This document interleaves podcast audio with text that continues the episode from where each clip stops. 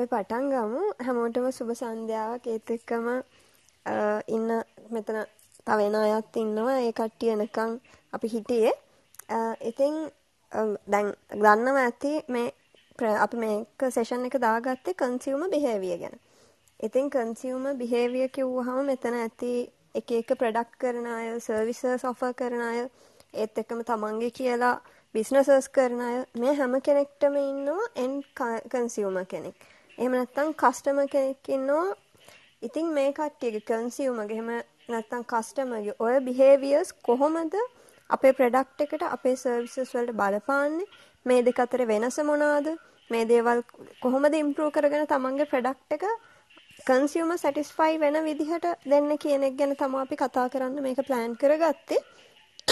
ඉතින් මේකට අපි අපි ළඟ ඉන්න හොඳම රිසෝසස් ටික අද ගෙනාව කතා කරන්න අපිත් එක්ක පළවෙනියටම අපේ මිස්ටර් මාර්කටිං එහෙම නැත්නම් ඉන්ස්ප්‍රා එකේ මාර්කටිං මැනේජර් අපේ ශෂිකා අයියා ඉන්නවා ඒත් එක්කම branding user experience user interfaces PR මේ දේවල් ගැන කතා කරන්න අපිත් එක්ක අපේ චරිත් අයියා චරිත් වීරසූරිය අයියා එකතු වෙලා ඉන්නවා ඒත් එක්කම හැම දෙයකදීම මේ දේවල්දී අපිත් එක්ක හැමදාම එකතු වෙන අපේ ඉන්ස්ප්‍රා එකේ මදුසංක ප්‍රේමරත්න අයියා ඉන්නවා.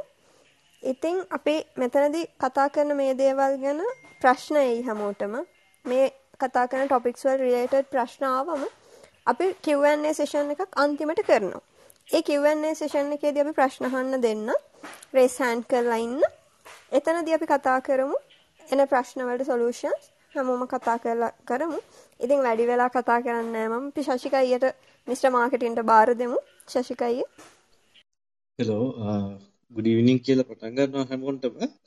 thank you සවිෂි මම මුලින්ම මන්සංකයටත් තෑන්ක් කරන්න ඕනේ මේ platform එක අඳුනලා දුන්නට.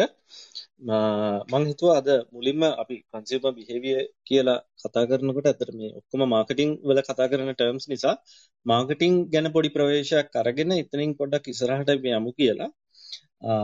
දැන් උදාහරණ අපි හිතමු මෙහෙම දැන් marketing කියලා ගත්තොත් ගොඩක් අයට එක එක විදියට එක එක අයිඩියා එකක් එන්න පුළුවන්. කෙනෙකුට හිතෙන්න පුළුවන් මොනවා හරි ප්‍රොමෝෂන් එකක් දීලා මේ මොනවා හරි ප්‍රොඩක්ට් එකක් නැත්නම් සර්විස් එකක් විකුණන දෙයක් කියලා. එහෙම නැත්නම් කෙනෙකුට හිතෙන්න පුළුවන් මොනවා හරි බ්‍රෑන්ඩ් ඉබ්බත් මොකද පැකේජින් එකක් මොනවා හරි. නැත්නම් මොකක් හරි ස්ට්‍රැටජි එකක් විකුණ ගන්න. එහෙම ක්‍රමයක් කියලා. අපි මාකටිං කියන එක හරියට ක්ලියර් කරගත්තොත් මාකටිං කියන එක මම සිම්පල්ම ඩෙෆිනිෂන් එකක් දෙන්නම්. මේක ඒ කියන්නේ ෆාදර් ඔෆ් මාකටිං කියලා කියන්නේ පිලිප් කොට්ල පිලිප් කොට්ලගේ ඩෙෆිනිෂන් එකේ ජිස්ට් එකක් නැත්නම්. හොඳම සාරය අරගෙන කිව්වොත් satisfying the customer needs and wants in a profitable way කියන එක තමයි මාකටිං කියන එක බේසික් ෆෝම් එකේ ඩෙෆිනිෂන් එකක් විදිහට දුන්නොත් අපිට දෙන්න පුළුවන්. එතකොට මෙතනදී අපි highlight කරලා මතක තියාගන්න ඕන දෙයක් තමයි මාකටිං කියන්නේ එතකොට satisfying the customer needs and wants. එතකොට මෙතන තියෙන ප්‍රධාන දෙකක් තියෙනවා. එකක් සැටිස්ෆයි කරන්න ඕන. මොකක්ද? කස්ටමර්ගේ තියෙන නීඩ් එක සහ වෝන්ට් එක. නීඩ් එක කියන්නේ අවශ්‍යතාවයක් අපි සිංහලෙන් කියනවා. වෝන්ට් එක කිව්වොත් උවමනාවක්. අවශ්‍යතාව දැන් අපි හිතමු අවශ්‍යතාව වෙන්නේ ඔයාගේ ට්‍රාන්ස්පෝර්ට් එක නම් උවමනාව වෙනස් වෙන්න පුළුවන්. උවමනාව ඔයා යන විදිය වෙනස් වෙන්න පුළුවන්. කාර් එකකින් යන එක බයිසිකල් එකකින් යන එක එහෙම වෙන්න පුළුවන්. එතකොට මේ මේව සැටිස්ෆයි කරන එක තමයි මාකටිං වලින් කරන්නේ මොන විදියෙන්ද? in a profitable way. profit එන විදියට. එතකොට මාකටිං කියන්නේ මේකයි. එතකොට අපි පොඩ්ඩක් බලමු මාකටිං කොහොමද මේ ටික කාලයත් එක්ක මේක ඉවෝල්ව් වෙලා ආවේ. එහෙම නැත්නම් පරිණාමය වෙලා ආවි කියලා. මුලින්ම මිනිස්සු බැලුවා මිනිසුන්ට අවශ්‍යතාවයන් තිබුණා හැබැයි මාකට් එකේ මොනවත් දේවල් තිබුණ නැහැ. දැන් 1000 සාමාන්‍ය 1850 වගේ ওই වගේ කාලේ ගන්නකොට මිනිසුන්ට ප්‍රොඩක්ට් එකක් කියලා දෙයක් සර්විස් එකක් කියලා දෙයක් එහෙම ලොකුවට තිබුණේ නැහැ. ඒක නිසා මිනිස්සු අපි හිතමු කාර් එකක් කියලා. මිනිස්සුන්ට කාර් එකක අවශ්‍යතාවයක් තිබුණා. හැබැයි ඒ කියන්නේ යන්න උවමනාවක් තිබුණා. කාර් එකක් ඕන කියලා තිබුණා. එකක් හෝ දෙකක් තිබුණා. එතන සැටිස්ෆයි කරන්න ලොකු ඉඩ කඩක් නැත්තම් ગેප් එකක් තිබුණා. ඊට පස්සේ මොකද කරේ? හැමෝම තේරුම් ගත්ත මේකේ ප්‍රොඩක්ෂන් නැතුව අපිට සැටිස්ෆයි වෙන්න විදියක් නැහැනේ. එතකොට ප්‍රොඩක්ෂන් වැඩි කරන්න ගත්තා. මිනිස්සු හිතුවා හරි ප්‍රොඩක්ෂන් තමයි කරන්න ඕන. ප්‍රොඩක්ෂන් ටික කරායින් පස්සේ අපිට අවශ්‍ය දේ කර මේ ලබා ගන්න පුළුවන් කියලා. ඊට පස්සේ හැමෝම ප්‍රොඩක්ෂන් කරන්න ගත්තා. ඊට පස්සේ ප්‍රොඩක්ෂන් කරයින් පස්සේ දැන් ඔන්න ප්‍රොඩක්ට්ස් තියෙනවා. ප්‍රොඩක්ට්ස් තියුණට අපිට මේක සෙල් කරගන්න හරියටම පුළුවන් වුණාද කියලා ප්‍රශ්නයක් තියෙනවා. ප්‍රොඩක්ෂන් තියෙනවා නැත්නම් අපේ ස්ටොක් එක තියෙනවා අපි හදලා තියෙනවා මේක විකුණ ගන්න විදියක් නැහැ. ඊට පස්සේ මෙයාලා තේරුම් ගත්තා අපි ඒකට කියනවා ප්‍රොඩක්ෂන් කන්සෙප්ට් කියලා. මුලින්ම ප්‍රොඩක්ෂන් කන්සෙප්ට් එකකින් ආවේ ඊට පස්සේ බලනවා මෙයාලට මේක සෙල් කරගන්න ඊට පස්සේ මෙයාලා කරන්නේ සෙල් කරන්න සෙල් කරන සෙල් සෙල් සෙල් කියන එක හැමතිස්සෙම මතුරන්න වගේ පටන් ගත්තා. එතකොට මෙයාලා බැලුවා මේක සෙල් කරන්න ඕන කොහොම හරි සෙල් කරන්න ඕන කියලා. හැබැයි සෙල් කරගෙන සෙල් කරගෙන යද්දී මෙයාලට මෙයාලගේ දැන් කැපැසිටි එක එක්ස්පෑන්ඩ් කරලා තියෙන්නේ ප්‍රොඩක්ෂන් කැපැසිටි සෙල් කරනවා. හැබැයි ගොඩක් සෙල් කරනකොට මොකක්ද වුනේ ඊට පස්සේ මෙයාලා ප්‍රොඩක්ෂන් එකත් වැඩි කරලා තියෙන්නේ. සප්ලයි එක වැඩි වෙනවා ඩිමාන්ඩ් එකට වඩා. දැන් මෙතනදී මෙයාලට ප්‍රශ්නයක් තියෙනවා දැන් සෙල් කරත් වෙච්ච කොස්ට් එක වැඩි හරියටම අපිට මේක යුටිලයිස් කරගන්න පුළුවන් වුණාද කියලා ප්‍රශ්නයක් එනවා. එතනදී මෙයාලට අවශ්‍ය වුණා පොඩ්ඩක් වෙනස් විදිහට හිතන්න දැන් මේ මේ මේ ඉතුරු වෙන ඒවා ටැකල් කරගන්න. එතකොට මෙයාලා කල්පනා කරනවා මෙයාලා එක එක වෙනස්කම් තේරුම් ගන්නවා අපි මේ එකම දේ හැමෝටම මේක සෙල් කරලා ප්‍රොඩක්ෂන් කොච්චර වැඩි කළත් කොච්චර සෙල් කරන්න try කරත් මේක හරියන්නේ නැහැ. අපි මිනිස්සුන්ගේ අවශ්‍යතාවයන් හා වමනාවන් වෙන වෙනම හරියට අඳුර ගන්නවා. අඳුරගෙන අන්න ඒ වලට අපිට හරියට පිළියමක් දුන්නා නම් සමහර විට වැඩි මිලකට අපේ ප්‍රොඩක්ට් එක වෙනස් විදියකින් යුනික් විදියකට වැඩි මිලකින් උනත් දීලා ප්‍රතිලාභ ලබා ගන්න පුළුවන්. එතකොට වෙන වේස්ට් එක කොස්ට් එක අඩු වෙන්නත් පුළුවන් අපි වේදම් කරන ගානේ හරියට යුටිලයිස් කරගන්නත් පුළුවන්. එතකොට අන්න එහෙම තමයි. එතකොට මම මොකද්ද මුලින්ම කිව්වේ? ප්‍රොඩක්ෂන් කන්සෙප්ට් එකට ආව මිනිස්සු ප්‍රොඩක්ෂන් කන්සෙප්ට් එකෙන් තෘප්තිමත් වුන්නේ නැහැ. එයාලා ඊළඟට ආවා එයාලගේ ස්ට්‍රැටජි එක චේන්ජ් කළා සේල්ස් කන්සෙප්ට් එකට, සෙලින් කන්සෙප්ට් එකට. ඊට පස්සේ එයාලා මේ දෙකම තේරුම් ගත්ත මේ දෙකම හරියන්නේ නැහැ. අපි සැටිස්ෆයි කරන්න ඕන කියලා කස්ටමර්ගේ නීඩ්ස් සහ වෝන්ට්ස් ඊට පස්සේ පටන් ගත්තා මාකටිං ඔරියන්ටේෂන් කියලා කියනවා නැත්නම් මාකටිං කන්සෙප්ට් එක. එතකොට දැන් ඔයාලට පැහැදිලි වෙනවා මම මුලින්ම කිව්ව මාකටිං කියන ඩෙෆිනිෂන් එකේ තියෙන්නේ satisfying the needs and wants of the customer. මොන විදිහටද? in a profitable way. එතකොට මේ අන්තිමට මේගොල්ලෝ නැවතුනේ කොතනින්ද? මාකටිං කන්සෙප්ට් එකෙන්. එතකොට අපිට ආයි පැහැදිලි වෙනවා යූසර් කෙනෙක්ගේ නැත්නම් කස්ටමර් කෙනෙක්ගේ වෙබ්සයිට් එකක හෝ සර්විස් එකක හෝ ප්‍රොඩක්ට් එකක කස්ටමර් කෙනෙක් අනිවාර්යෙන් සැටිස්ෆයි කරන්න ඕන. අපි ඉස්සරහට කතා කරමු කොහොමද සැටිස්ෆයි කරන ක්‍රම කියලා. ඊට පස්සේ දැන් එවලූෂන් එක එහෙම ඉන්ට්‍රොඩක්ෂන් එකක් දුන්නොත් ඔන්න ඔහම ආවෙන් පස්සේ අපි දැන් කන්සියුමර් බිහේවියර් ගැන කතා කරන්නේ. කන්සියුමර් බිහේවියර් එකේදී කස්ටමර්ස්ලා අපි කියනවා දැන් ඇත්තටම කියනවා නම් මේ මාකටිං කියන්නේ බ්‍රෑන්ඩින් කියන්නේ සයිකොලොජි. සයිකොලොජිකලි අපි කොහොමද අප්‍රෝච් කරන්නේ කස්ටමර් මොන ස්ට්‍රැටජි එකද අපි යූස් කරන්නේ මේ හැමදේම සයිකොලොජි එක්ක රිලේටඩ් සිග්මන්ඩ් ෆ්‍රොයිඩ් ගොඩක් අය අහලා ඇති සිග්මන්ඩ් ෆ්‍රොයිඩ් කියනවා යූසර් කෙනෙක්ගේ නැත්නම් කස්ටමර් කෙනෙක්ගේ මේ ලර්නින් ප්‍රොසෙස් එක වෙන්නේ එයාලා හිතන්නේ නැතුව නැත්නම් අන්කන්ෂස් කියලා. උදාහරණයක් මම මෙහෙම කියන්න. දැන් හිතන්නකො පොඩි කාලේ පොඩි අපි හිතමු පොඩි ළමයෙක් ගොඩක් අවුරුදු 3-4ක පොඩි ළමයෙක් මොකක් හරි ඉටිපන්දමක් පත්තු වෙන එකක් දැකලා මෙයා දකිනවා හරි ආලෝකමත් දෙයක් ආසාවක් හිතෙනවා මෙයා මේක අල්ලනවා. ඇල්ලුවම මොකද වෙන්නේ? පිච්චෙනවා. ඊට පස්සේ මෙයා තේරුම් ගන්නවා ඒ හැඩේ තියෙන බ්‍රයිට් දෙයක් ඇල්ලුවම එයා පිච්චෙන්න පුළුවන් කියලා. එතකොට දැන් මේ මේ පොඩි බබාට හිතන්න අයිඩියා එකක් නැහැනේ. හිතන්න තරම් කැපැසිටි එකක් නැහැ. හැබැයි එයා එයාගේ මේ පංචේන්ද්‍රයන් වලට අපි කියනවා perceptions කියලා. perceptions පංචේන්ද්‍රයන් වල අහු වෙන දේවල් වලින් එයා අයිඩියා එකක් අයිඩියා එකක් නෙමෙයි. නොදැනුවත්වම එයා තේරුම් ගන්නවා මේ වගේ දෙයක් නම් එයා පිච්චෙන්න පුළුවන් කියලා. ඊට පස්සේ එයාට ඉටිපන්දම නෙවෙයි ඉටිපන්දම වගේ වෙන මොන හරි බ්‍රයිට් දෙයක් දුන්නත් එයා ඒක අල්ලන්න බය වෙනවා. ඔන්න ඔක බේසික් එක. කන්සියුමර් බිහේවියර් ලර්නින් වලදී මිනිස්සු නොදැනුවත්වම දේවල් ඉගෙන ගන්නවා කියන එක කියනවා. මේක ගෙනාවා තව සයිකොලොජිස් කෙනෙක් එක්ස්පෙරිමෙන්ටල් සයිකොලොජි වල සයිකොලොජි වල කතා කරනවා බ්‍රෑන්ඩින් වලදී යූස් කරනවා නැත්නම් කන්සියුමර් බිහේවියර් එක ලර්න් කරන්නේ කොහොමද කියලා තවදුරටත් එක්ස්පෙරිමන්ට් එකකින් පෙන්නනවා බල්ලෙක් කුට මස් කට්ටක් දෙන එක. කියන්නේ මෙතන අපි යූස් කරන දේවල් තුනක් තියෙනවා බල්ලෙක් ඉන්නවා මස් කට්ටක් දෙනවා සහ බෙල් එකක් තියෙනවා. අපි බල්ලට මස් කට්ට දෙන හැම වෙලාවකම අපි බෙල් එක රින් කරනවා. ඊට පස්සේ ආයි ටික වෙලාවක් යනවා. ටික වෙලාවක් ගියන් පස්සේ ආයි මම බෙල් එක රින් කරනවා මස් කට්ට දෙනවා බල්ලට. ඊට පස්සේ ආයි තව ටික වෙලාවක් ගිහලා ඔහොම ටයිම් ගැප්ස් වලින් තියලා දවස් කීපයක් ඕක කරනවා. කරාන් පස්සේ බල්ල පුරුදු වෙනවා. ඊට පස්සේ මම කරන්නේ මොකක්ද දන්නවද? ටික දවසක් ගිහිල්ලා මං හිමීට බෙල් එක රින් කරනවා මස් කට්ට දෙන්නේ නැහැ. ඕක තමයි කරපු එක්ස්පෙරිමන්ට් එක.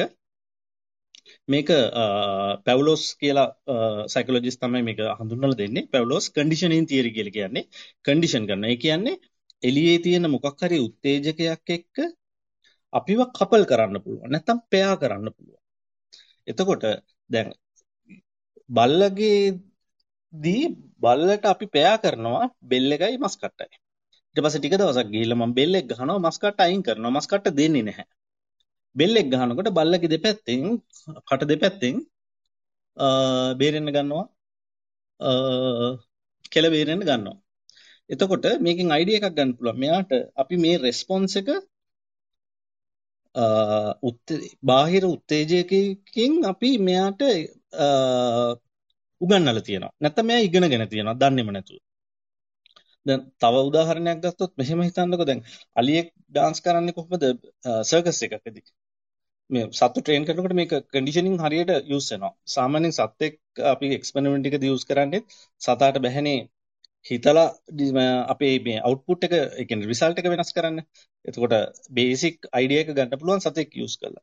දැන් අලියෙක් කොහොමද ට්‍රේන් කරන්නේ? අපි මේක ටිකක් හાર્ඩ් බ්‍රේකින් වෙන්න පුළුවන් මේ කියන කතාව මේක just to get an idea කියන්නේ අයිඩියා එක ගන්න අපි මේ කතා කරොත් ලොකු තැටියක් හරි මොකක් හරි තියලා ටිකක් රත් වෙච්ච තැටියක් තියලා සින්දුවක් එළියෙන් දානවා.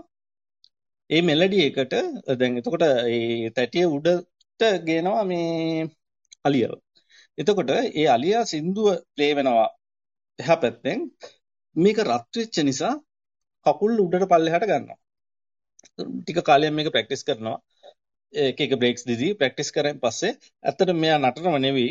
මෙයාට රත් වෙච්ච නිසා තමයි මෙයා කකුල් උඩට පල්ලෙහාට ගන්නෙ. හැබැයි එහා පැත්තෙන් සින්දුවක් දාලා තියෙනවා. ටික දවසක් ගිහිල්ලා මේ තැටිය අයින් කරනවා. දැන් තැටිය අයින් කරන් පස්සේ ඒ මියුසික් එකම ප්ලේ කරනවා. ප්ලේ කරනකොට අරයාගේ ලර්නඩ් රෙස්පොන්ස් එක. ලර්නඩ් රෙස්පොන්ස් කියලා කියන ඉගෙනගත්ත රෙස්පොන්ස් එක තමයි එයාට එන්නේ. එතකොට එයා කකුල් උඩට පල්ලෙහාට කරනවා. අපි හිතන්නේ සින්දුවට නටනවා කියලා. නෑ මෙයා කන්ඩිෂන් වෙලා තියෙනවා. ඒකම තමයි වෙන්නේ. අපි කිව්වොත් ඔයාට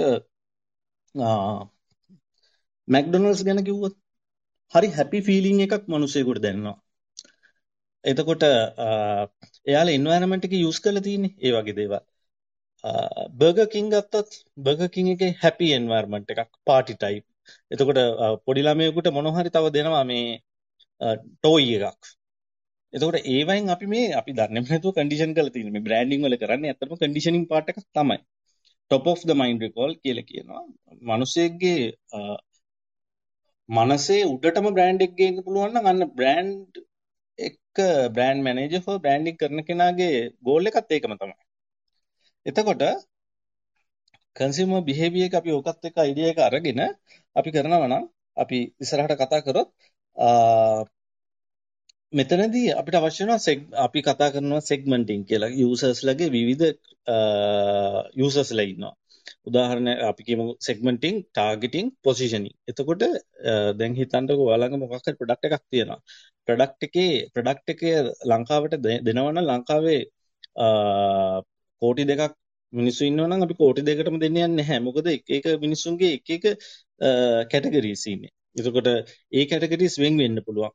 අපි දෙන ෆීමේල් ටයිප් එකක මේ ෆීමේල්ලට දෙන්න ඕන එකක් අපි ඔක්කොටම දීලා වැඩක් නැහැනේ.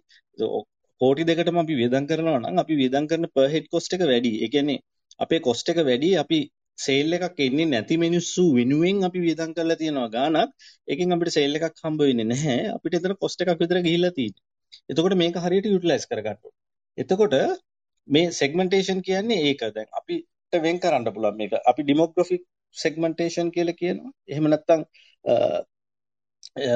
මෙහෙම ඒජ් එක අනුව අපිට වෙන් කරන්න පුළුවන්. ඔයාගේ මොකක් හරි ප්‍රොඩක්ට් එකක් තියෙනවා නම් ඔයා කල්පනා කරන්න. මගේ ප්‍රොඩක්ට් එක ඇත්තටම මම දෙන්නේ මගේ ප්‍රොඩක්ට් එක යූස් කරන්නේ කවුද? දැන් ප්‍රොඩක්ට් එක අපි හිතමු අවුරුදු 5ත් 10ත් අතර. නැත්නම් 10ත් 15ත් අතර 18ත් 24ත් 24ත් 35ත් කොහොම කියලා ඒජ් එක අනුව වෙන් කරන්න පුළුවන්. එහෙම නැතුව ජෙන්ඩර් එක අනුව වෙනස් කරන්න පුළුවන්. මම මේක ටාගට් කරන්නේ පිරිමි ළමයින්ටද ගැහැණු ළමයින්ටද නැත්තම් පිරිමි ළමයි ගැහැණු ළමයි නම් හරි ගැහැණු ළමයි නම් මොන වයසේ ගැහැණු ළමයින්ද ඔය වගේ. එතකොට එහෙම නැත්තම් ඔයාට ඊට තවත් පුළුවන් ඒකත් එක්කම ඔයාට කැටගරි කරන්න පුළුවන් ක්‍රම ගොඩක් තියෙනවා. හිතන්න යාපනයට දෙන්න ප්‍රොඩක්ට් එක ඔයා යාපනයටද කරන එකක් ඔයා යාපනයටද මේක දෙන්නේ? එහෙම නැත්නම් මුළු ලංකාවටමද? සාමාන්‍යයෙන් අපි ටෙස්ට් මාකටිං එකක් කරනවා නම් ගම්පහ වගේ ප්‍රදේශයක් තමයි තෝරගන්නේ. ඇයි මේ ගම්පහ වගේ ප්‍රදේශයක් තෝරගන්නේ? ගම්පහ කියන ප්‍රදේශයේ මේ කියන හැම ෆැක්ටර්ස්ම එනවද? හරි. එතකොට දැන් අපි සාමාන්‍ය ටෙස්ට් මාකටිං එකක් වගේ කරනවා නම් අපි ගම්පහ වගේ ප්‍රදේශයක් තෝරගන්නවා. ඇයි මේ ගම්පහ වගේ ප්‍රදේශයක් තෝරගන්නේ? අපිට අවශ්‍ය හැම එක්කෙනාම මොකද දැන් අපි ගන්න මේ සාම්පල් එක අපි හිතන්නකෝ අපි යාපනයේ නම් අපේ ප්‍රොඩක්ට් එක තියෙන්නේ අපි යාපනයේ නම් අපේ කම්පැනි එක තියෙන අපි යාපනයේ කට්ටියට විතරක් කරලා අපිට අයිඩිය එකක් ගන්න බෑ යාපනයේ සමහර විට සක්සස්ෆුල් වෙන්න පුළුවන් අපේ ප්‍රොඩක්ට් එක මාකට් කරන එක. හැබැයි ඒක අපිට පිළිගන්න බෑ. කොළඹ කට්ටිය මේක ඒ විදිහටම වැළඳ ගනීද කියලා. ගාල්ල කෙනෙක් ඒ විදිහටම වැළඳ ගනීද කියලා. කැන්ඩි වල කෙනෙක් අපිට හිතන්න අමාරුයි. වෙන ප්‍රදේශයක කෙනෙක් අපිට ඒ විදිහටම මේක ප්‍රොඩක්ට් එක ගනී කියලා අපිට හිතන්න බෑ. එතකොට ගම්පහ වගේ ප්‍රදේශයක් තෝරගන්න හේතුව මේ මේ ඩිමෝග්‍රෆික් හැම එකක්ම සෙග්මන්ට් ගොඩාක් වෙලාවට අහු වෙනවා.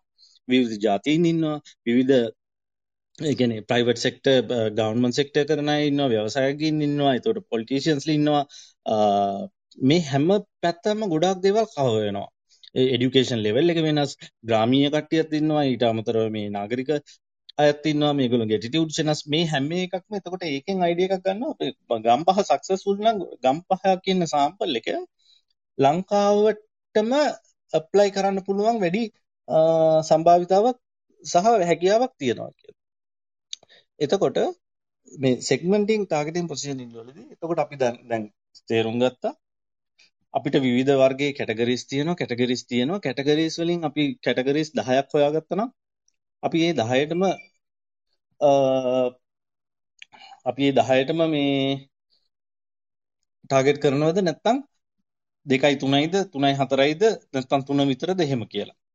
එතකොට අනිත් දේ තමයි අපි මෙතනදී දැනගන්න ඕන අපේ කස්ටමර් කවුද කන්සියුමර් කවුද කියලා. මම ඔයාලට කියන්නම් මෙහෙම කන්සියුමර් කියන්නේ එන් කස්ටමර්. ඒ කියන්නේ දැන් හිතන්න මෙන්න මේ වගේ උදාහරණයක් අපි ගත්තොත් කිරිපිටි මොන හරි දෙයක් ගත්තොත් ප්‍රොඩක්ට් එකක් ගත්තොත් පීඩියා ප්‍රෝ හරි මොන හරි දෙයක් ගත්තොත් ඒකේ කස්ටමර් වෙන්නේ කවුද? කස්ටමර් කියන්නේ මේක ගන්න කෙනා. කන්සියුමර් කියන්නේ මේක ඇත්තටම පරිභෝජනය කරනවා. අපිට කෙලින්ම හිතෙන්න පුළුවන් මේකේ ටාගට් මාකට් එක මොකක්ද? මේ පොඩි ළමයි පොඩි බබාලා කියලා. හැබැයි මේක මිලදී ගන්න ඇත්තටම පේරන්ට්ස්ලා. එතකොට අපි අපේ මාකටිං ස්ට්‍රැටජි එකක් ගහනවා නම් ප්‍රොමෝෂන් එකක් දෙනවා නම් අපි මේ දෙකම කල්පනා කරන්න ඕන. එතකොට අපි අපි සැටිස්ෆයි කරන්න ඕන කවුද?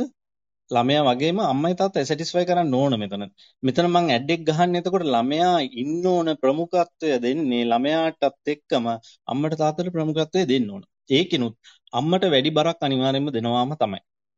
ඒ මොකද අම්මා ඉන්ෆ්ලුවන්සින් පාර්ට් එකක්. කියන්නේ බලපෑමක් කළ හැකි මට්ටමක තියෙනවා ළමයා සම්බන්ධව ප්‍රොඩක්ට්ස් ගැනීමේදී. මොකද අම්මට තමයි අයිඩියා එකක් තියෙන්නේ තාත්තා ශ්‍රී ලංකන් කන්ටෙක්ස්ට් එකෙන් ගත්තොත් අම්මා ගොඩක් වෙලාවට ගෘහණියක් එහෙම නැත්නම් අම්මා ළමයාගේ කවන පොරණ සම්බන්ධව ගොඩාක් අවයා තාත්තට සාපේක්ෂව මම කියන සාපේක්ෂව එතකොට අම්මා කියනවනම් මෙහෙම මේ බබාට මේ මේක හොඳයි වගේ මේ පිටිය එක හොඳයි වගේ කියලා එතකොට තාත්තා ගොඩක් වෙලාවට අම්මා කියන පිටිය එක තමයි ගේන්නේ. එහෙම බිහේවියර් එකක් තියෙනවා. එතකොට කස්ටමර් අපි සමහර වෙලාවට ඔයාලට තේරුම් ගන්න ඔයාලට හිතන්න වෙයි මෙහෙම ඔයා ඒ PDI Pro එක දෙනවනම් නැත්නම් පෑස් සබන් එකක් දෙනවනම් මේකත් එක්ක ඔයා බන්ඩල් කරලා දෙන්න ඕන අම්මට දෙයක්ද නැත්නම් බබාට දෙයක්ද කියලා. දැන් හිතන්නකෝ මේකත් එක්ක ඔයා ඔයාට බන්ඩල් කරලා දෙනවා නම් බන්ඩල් කරලා දෙන්න පුළුවන් සමහර විට අම්මට හරියන දෙයක්. දැන් පෑස් මේ මේ කස්ටමර් අඳුර ගැනීම හරි වැදගත් එතනදී. මම කස්ටමර් අඳුර ගැනීම ගැන තවත් පොඩි මේ මම ඉක්මනට කියන්නම් පොඩ්ඩක් වෙලාවත්. මදි නිසා. අපි හිතමු මෙහෙම මේ රිසර්ච් එකක්. ලංකාවේ අපි ඔයාලට දැන් මම ඔයාලට කිව්වොත් මෙහෙම මේ ෂූ පොලිෂ් වැඩිම පාවිච්චි කරන්න කවුද කියලා? ෂූ පොලිෂ් වැඩිම පාවිච්චි කරන්න කවුද කියලා අපිට අග්ගාලා කියන්නේ කොළඹ කට්ටිය තමයි කියලා. මං හිතුවා මෙතන ඔක්කොන්ට වගේ හිතෙන්න පුළුවන් කොළඹ අය තමයි කියලා. ඇයි අපි අපි දන්නේම නැතුව අපිට අර මං කලින් කියපු පර්සෙප්ෂන් එක. අපිට නිකන් දැනෙන දේ. අපි හිතනවා හරි ගොඩක් අය ඔෆිස් යනවා නිතරම මීටින්ස් වලට යනවා මේ ෂූ පොලිෂ් යූස් කරනවා කියලා. එතකොට මෙයාලා නිතරම මේ ටක් ගාලා මෙයාලට තියෙන කාලය මදි. තියෙන තප්පර ගානකින් හෝ ටක් ගාලා පොලිෂ් කළා උදේට පොලිෂ් කරන කට්ටියත් ගොඩක් ඉන්නවා. නැත්නම් රැට පොලිෂ් කරන කට්ටියත් ඉන්නවා. පොඩි ප්‍රමාණයකින් හැබැයි හොඳට ෂයින් එකෙන් යූස් කරනවා. හැබැයි රිසර්ච් එකෙන් රිවීල් වෙනවා මේක වැඩි වැඩිපුරම සේල්ස් ප්‍රමාණයක් ගිහිල්ලා තියෙනවා කියලා නුවරඑළිය පැත්තේ. එතකොට අපි අඳුරගත්තොත් අපේ කස්ටමර් ඇත්තටම අපි අපේ වැඩියෙන් සේල්ස් ගියේ මෙහි මෙහි කොළඹයි කියලා අපි යූස් කරන ස්ට්‍රැටජි සමහර වෙලාවට ෆේල් වෙන්න පුළුවන්. එතකොට නුවරඑළියයි මෙහෙම උනේ. නුවරඑළිය කියන වෙදර් එක ඇවිල්ලා හරි චිල් වෙද මේ මේ තෙතමනේ සහිත සීත දේශගුණේ තියෙන්නේ. එතකොට මෙයාලට මෙයාගේ සපත්තුව සපත්තුවේ ඩියුරබිලිටි එක වැඩි කරගන්න ඕනේ. මෙයාලා ටිකක් මේ ඝනකමින් තමයි මේ ෂූ පොලිස් යූස් කරන්නේ. මෙයාලා ඩියුරබිලිටි ෆැක්ටර් එකක් විදිහට මේක යූස් කරනවා. එතකොට දැන් ඔයාලට තේරෙන්නේ නැති මේ කස්ටමර් අයිඩෙන්ටිෆයි කර ගැනීම කොච්චර වැදගත්ද කියලා. කස්ටමර් අයිඩෙන්ටිෆයි කරගත්තොත් තමයි අපිට එයාලව හරියට සැටිස්ෆයි කරන්න පුළුවන්. එතකොට එයාලා සැටිස්ෆයි කරන්න ඕන මොන ක්‍රමෙන්ද කියලා තීරණය කරන්න පුළුවන් වෙන්නේ මෙන්න මේක මත. ඒක නිසා කන්සියුමර් කස්ටමර් කියන එක හරියට අපි අයිඩෙන්ටිෆයි කරගන්න ඕන. ඊට පස්සේ තමයි අපි මේගොල්ලෝ ටාගට් කරන්නේ. ටාගට් කරනකොට අපි බලනවා මෙයාලගේ අපි මනසේ මොන තැනද අපි ගන්නේ උදාහරණයක් අපි SLT කියලා හිතන්නකෝ SLT ශ්‍රී ලංකා ටෙලිකොම් එක උදාහරණයකට ගත්තොත් මම මගේ කස්ටමර්ගේ මයින්ඩ් එකේ ද හાર્ට් එකේද මම ෂෙයා එකක් ගන්නෙ කෙනෙකුට SLT කිව්වම මතක් වෙන්න පුළුවන් පොඩි කාලේ SLT එකක් තියෙනක හරි නිකන් ප්‍රෙස්ටිජ් එකක් වගේ මතක ඇති ඒ කාලේ ඔය මොබයිල් ෆෝන්ස් එන්න කලින් SLT තිබුණේ හැමෝටම නෑ. එතකොට ගෙදර කට්ටිය එන්ජොයි කරනවා ඒක.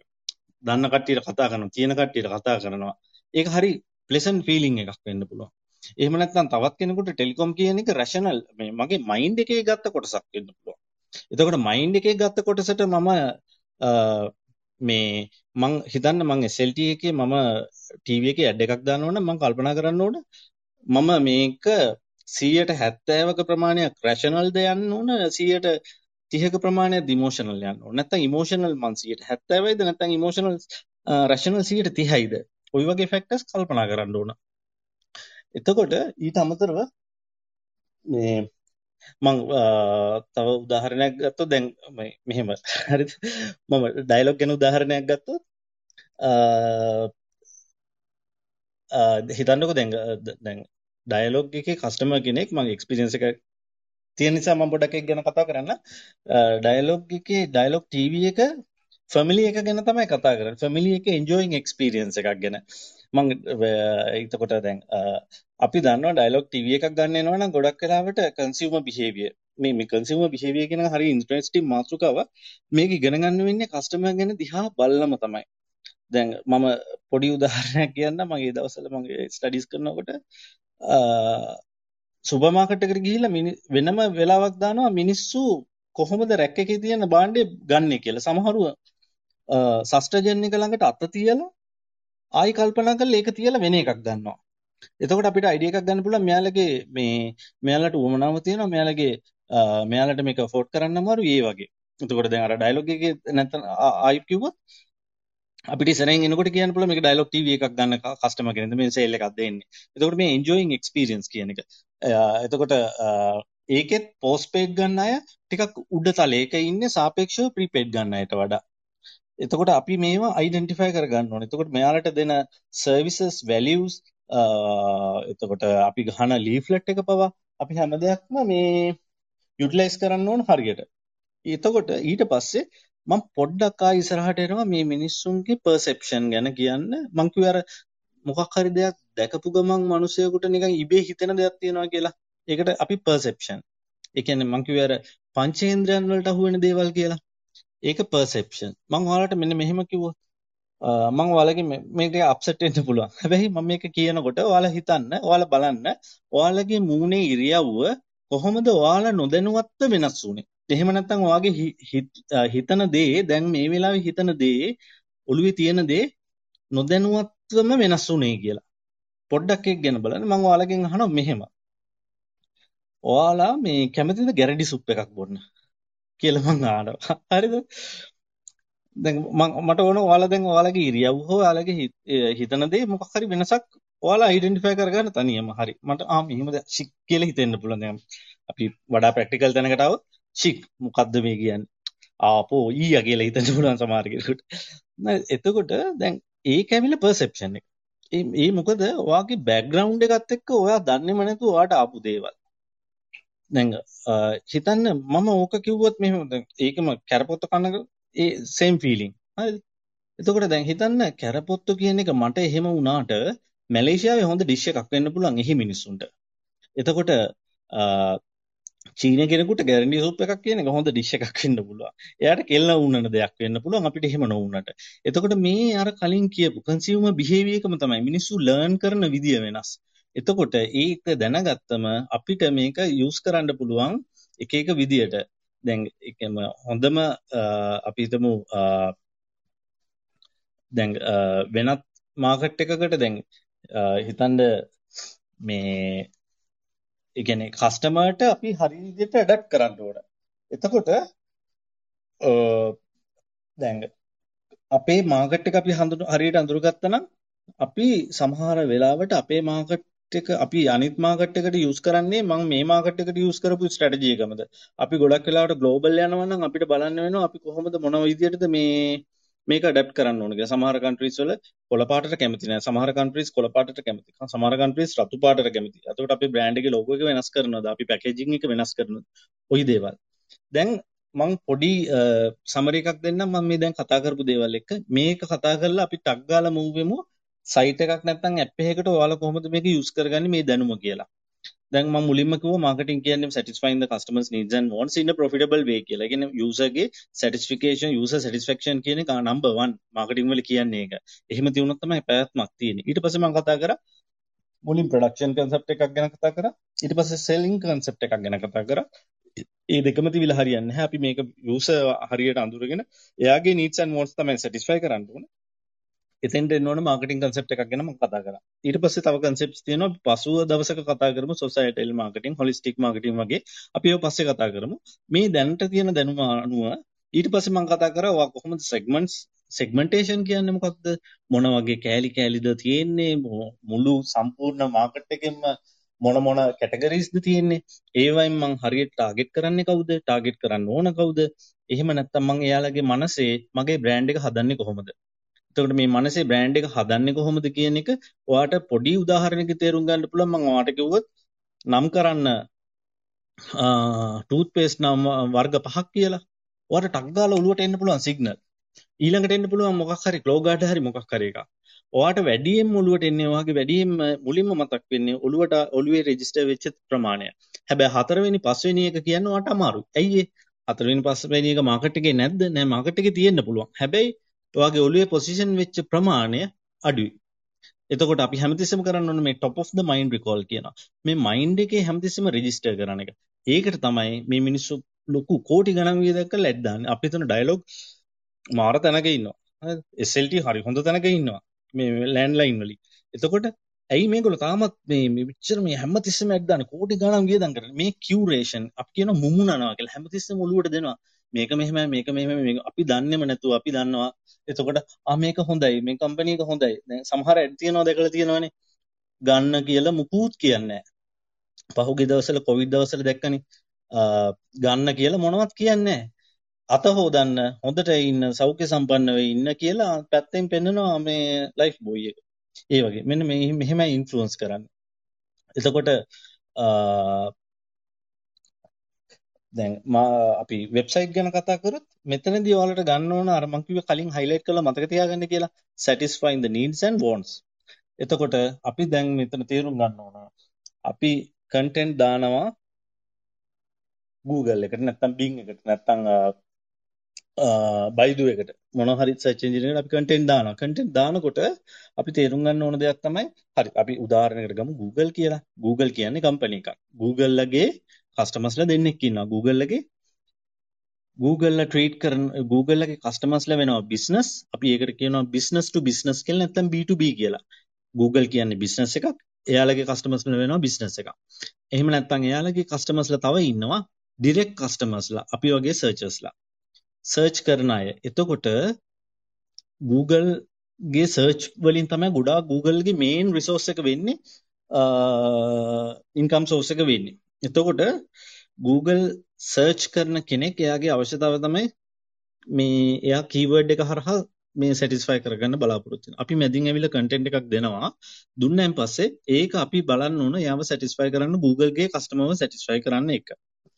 අනිත් දේ තමයි අපි ගොඩාක් වරද්ද ගන්න තැන අපි try කරනවා ranking වල first එකට එන්න Google ව trick කරන්න සමහර තැන්වල. එතකොට වෙන්නේ මොකද්ද දැන් හිතන්න මෙහෙම. ගෑස් ඒජන්සි එකක් කියලා ලංකාවේ ඒජන්සි එකක් තියෙනවා මම ඒකේ ඩීලර් කෙනෙක්.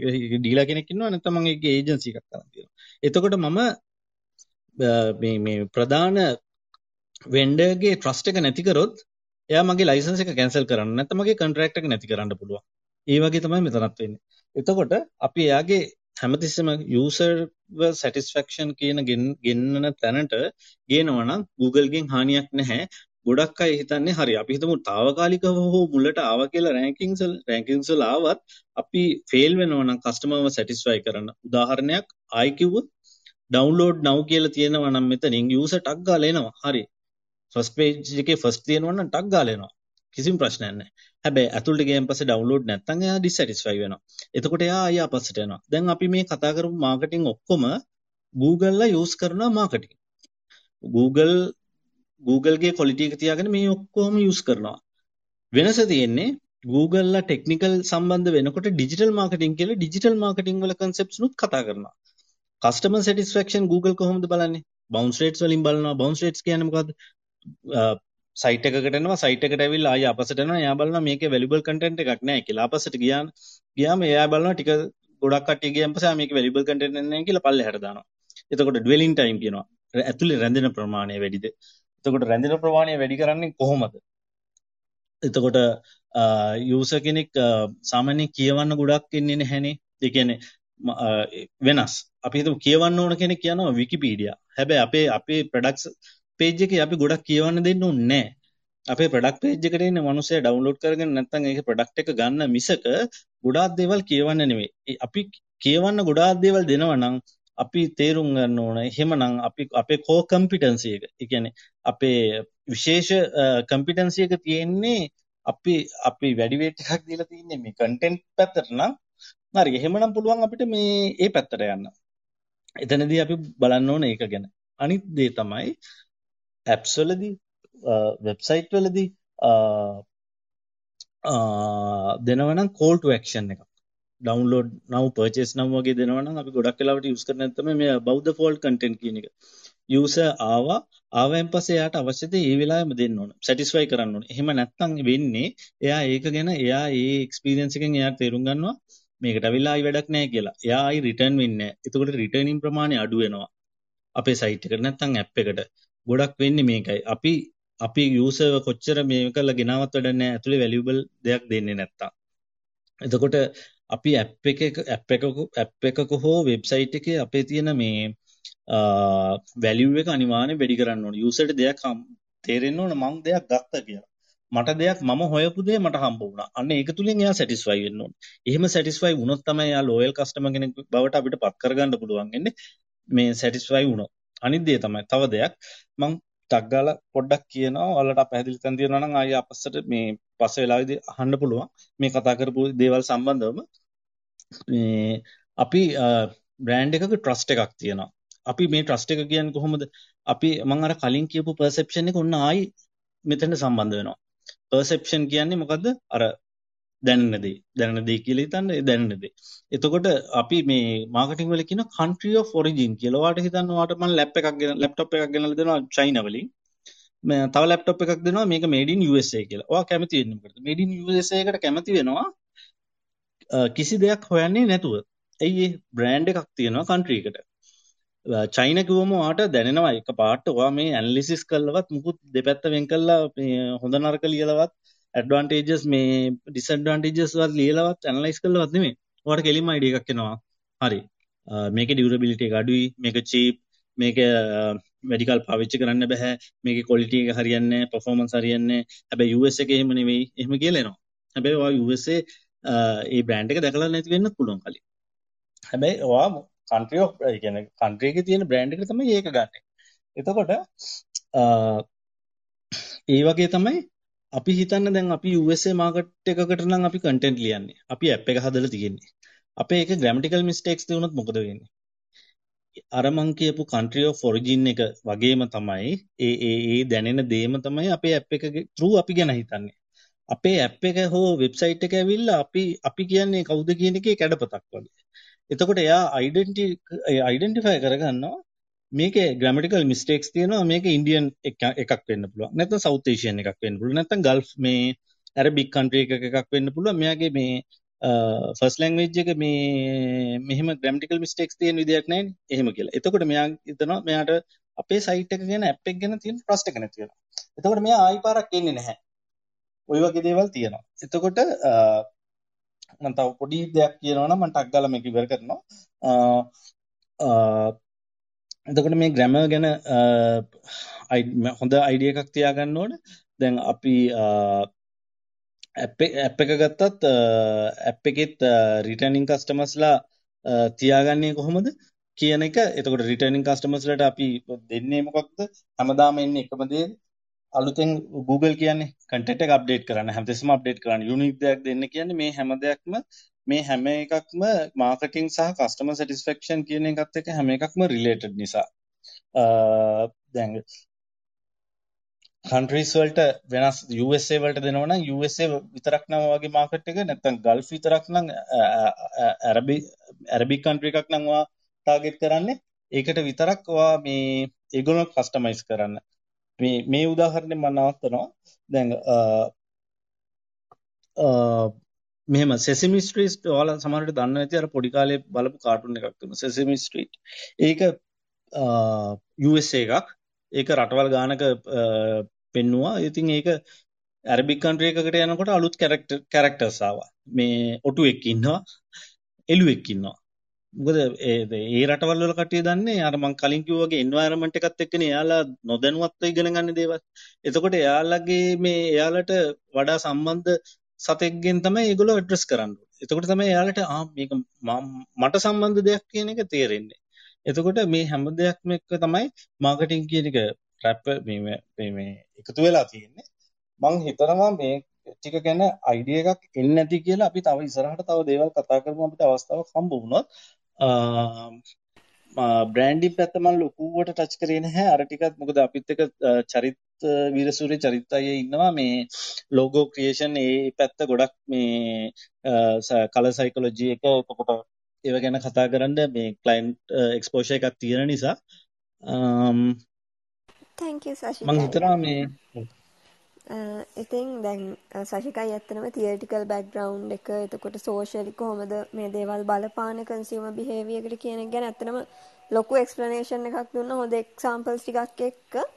ඒත් එක්කම තමා දැන් තියරිටිකල් බැක්ග්‍රවන්ඩින් එහාට ගිහාම බ්‍රෑන්ඩිං එතකොට යුස එක්ස්පීරියන්ස් යුස ඉන්ටෆේසස් කොහොමද මේ දේවල් අපි බට්න එකක් දාන තැනදි වුණත් ගොඩක් දේවල් තියෙනවා දැනගන්න ඕනේ. අපි චරිත් අයියා දෙක තුලා ඉන්නවා. චරිත් අයියෙන් අහලා බලමු කොහොමද මේ දේවල් බලපාන්නේ කන්සියුමර් බිහේවියර් එකට කියන එක. චරිත් අයියේ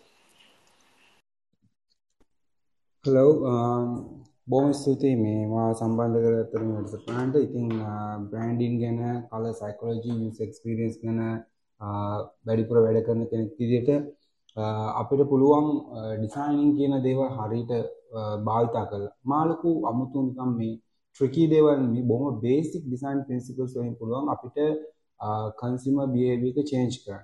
ප්‍රොඩක්ට් එකක් ගන්න බලාපොරොත්තුවක් නැති කෙනෙක්ගේ බිහේවියර් එක චේන්ජ් කරන්න පුළුවන් අපිට ගොඩක් එලමන්ට්ස් තියෙනවා ඩිසයින්ස් වල. අපි කියනවා එතකොට ප්‍රධාන වශයෙන් වැදගත් වෙන දේ තමයි ලැන්ග්වේජ් එක. ලැන්ග්වේජ් එක කියන එකත් ඉතාමත් වැදගත් වෙනවා බිහේවියර් එක චේන්ජ් කරන්න. මොකද කෙනෙක් එන්නේ වැරදි පර්ස්පෙක්ටිව් එකකින් වෙන්න පුළුවන්. නමුත් අපිට එයාට අවශ්‍ය වෙන ක්ලැරිටි එක දෙන්න පුළුවන් මේ කොපිරයිටින් කියන එක. ඉතින් ඉතින් එතන ඉඳන් ගත්තම මෙතන මේ ප්‍රොඩක්ට් එක හරි සර්විස් එක හරි තියෙන කල කල තිය කල සයිකොලොජි එක. එතකොට බ්‍රෑන්ඩ් එකේ තියෙන විෂන් එක මිෂන් එක why කියන එක. යන්නේ වගේ ගොඩක් දේවල් බලපානවා කන්සියුමර් බිහේවියර් එක චේන්ජ් කරන්න. එහෙම නැත්නම් ප්‍රොඩක්ට් එකකට කියන්නේ කම්පිටිටර් කෙනෙක්ට වඩා අපේ ප්‍රොඩක්ට් එක චූස් කරන්න එයාට පෝස් කරන්න පුළුවන්. ඉතින් මෙයාගේ ගොඩක් කරුණු කාරණා තීරණා මේ තීරණය වෙනවා කන්සියුමර් බිහේවියර් එක චේන්ජ් කරනකොට කලින් සශික කියපු ගොඩක් දේවල් වලට මම ලිසන් කරගෙන හිටියා. මමත් ගොඩක් දේවල් ඉගෙන ගත්තා.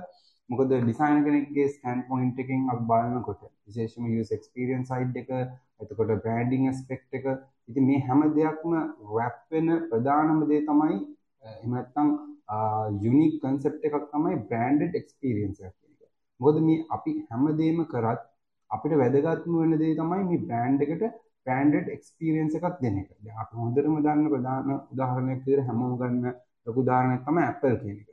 Apple කියන එක ගත්තට පස්සේ අපිට බලාපොරොත්තු වෙන්න පුළුවන් මොකද්ද මේ Apple වලින් ලැබෙන්නේ කියලා. ඒගොල්ලෝ ක්ලියර් ඉන්ටෙන්ෂන් එකක් දීලා තියෙනවා ඒගොල්ලෝගේ බ්‍රෑන්ඩ් එකට. ඒ වගේම තමයි ඒගොල්ලෝගේ විෂුවල් ලැන්ග්වේජ් එකට. ඒ වගේම තමයි ඒගොල්ලෝගේ එඩිටෝරියල්ස් වලට විශේෂයෙන්ම කොහොමද මොන වගේ දෙයක්ද බලාපොරොත්තු වෙන්න පුළුවන් කියන එක. අන්නේ ක්ලැරිටි එක ගන්න තමයි අපේ බ්‍රෑන්ඩින් කියන එක ඉතාමත්ම වැදගත් වෙන්නේ. ඉතින් ගොඩක් අය හිතනවා මේ අපි ලෝගෝ එකකට එහෙම නැත්නම් හොඳ කලර් පැලට් එකකට විතරක් තමන්ගේ බ්‍රෑන්ඩ් එක සීමා කරාම හරියනවා කියලා. නමුත් ඊටත් වඩා එහා ගියපු දේවල් තමයි අපි බලන්න ඕනේ. මොකද මම දැන් ගොඩක් දේවල් ස්ටඩි කරගෙන ගියා විශේෂයෙන්ම කොහොමද මේ බිහේවියර් එක චේන්ජ් කරන්න පුළුවන් කියලා. මොකද කන්සියුමර් බිහේවියර් එක තියෙනවා මේ යූසර් සයිකොලොජි ටනල්ස් වලට people product and business කියලා තුනක් right?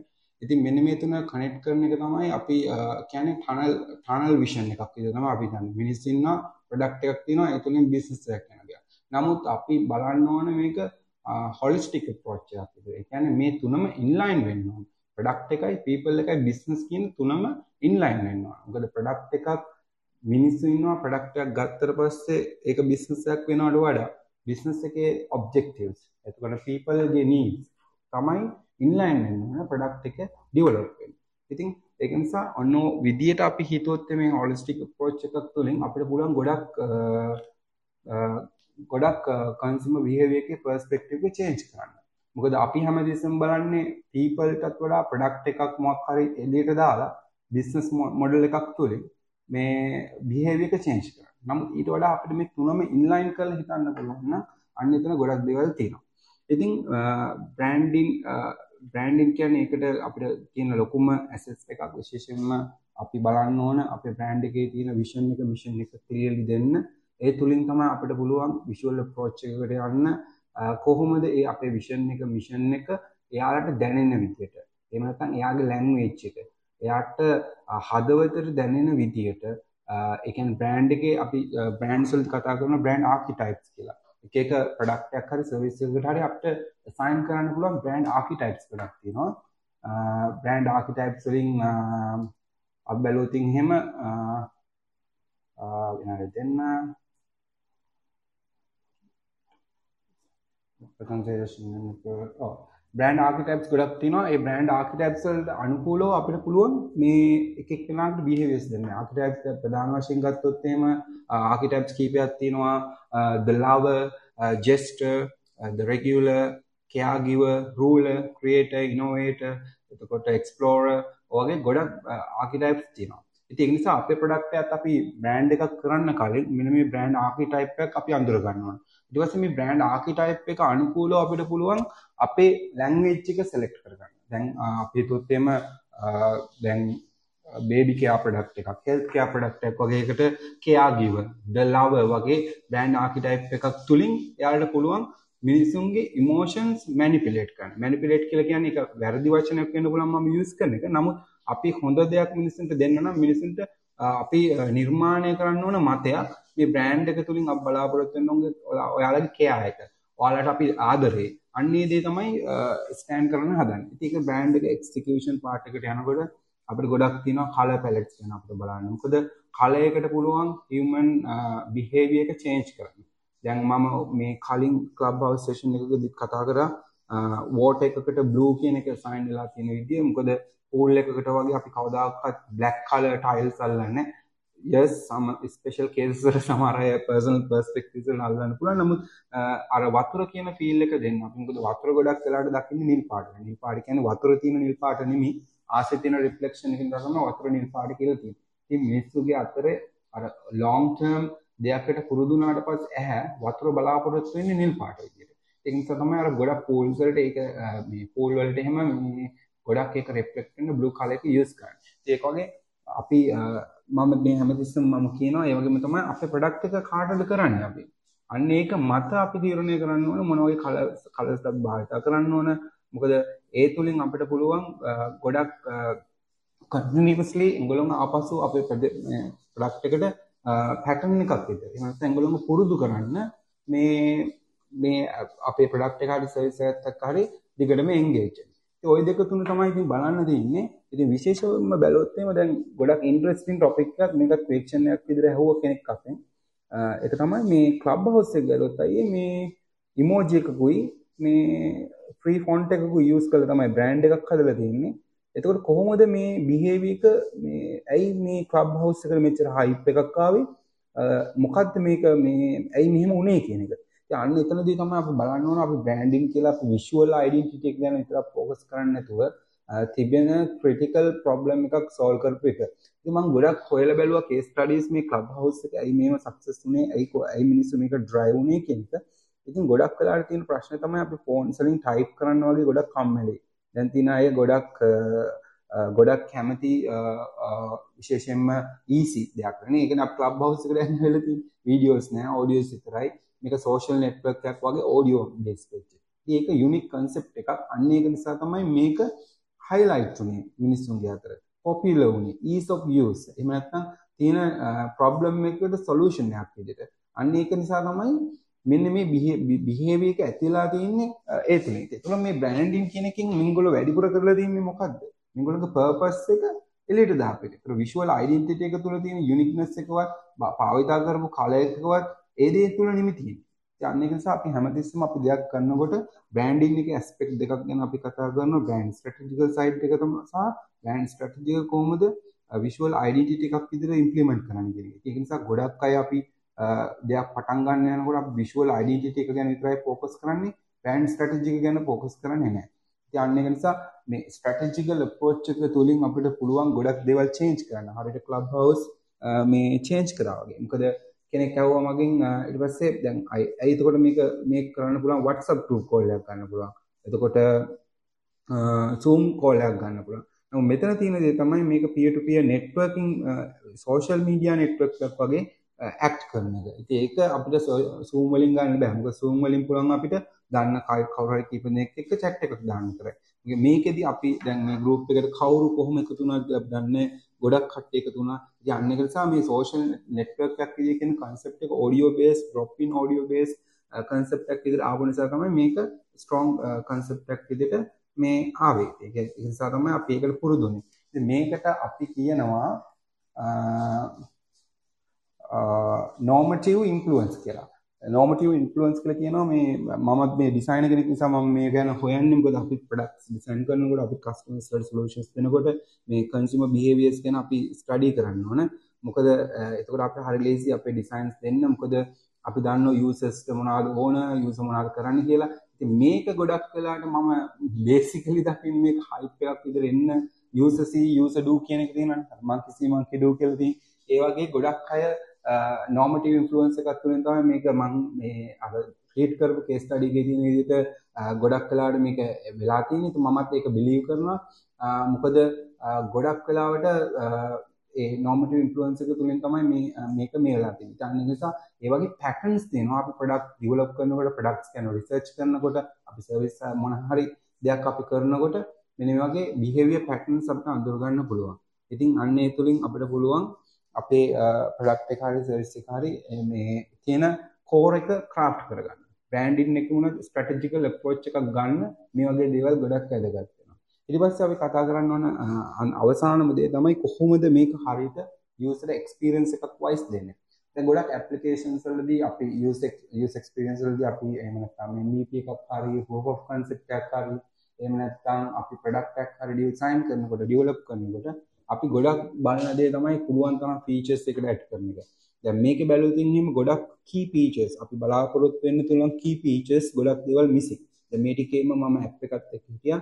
ඇප් එකේ තියෙන ටෙක්නිකල් ග්ලිචස් ඒ වගේම තමයි යූසර් එක්ස්පීරියන්ස් ඉෂුස් ගොඩක් මම ට්‍රැක් කරගත්තා.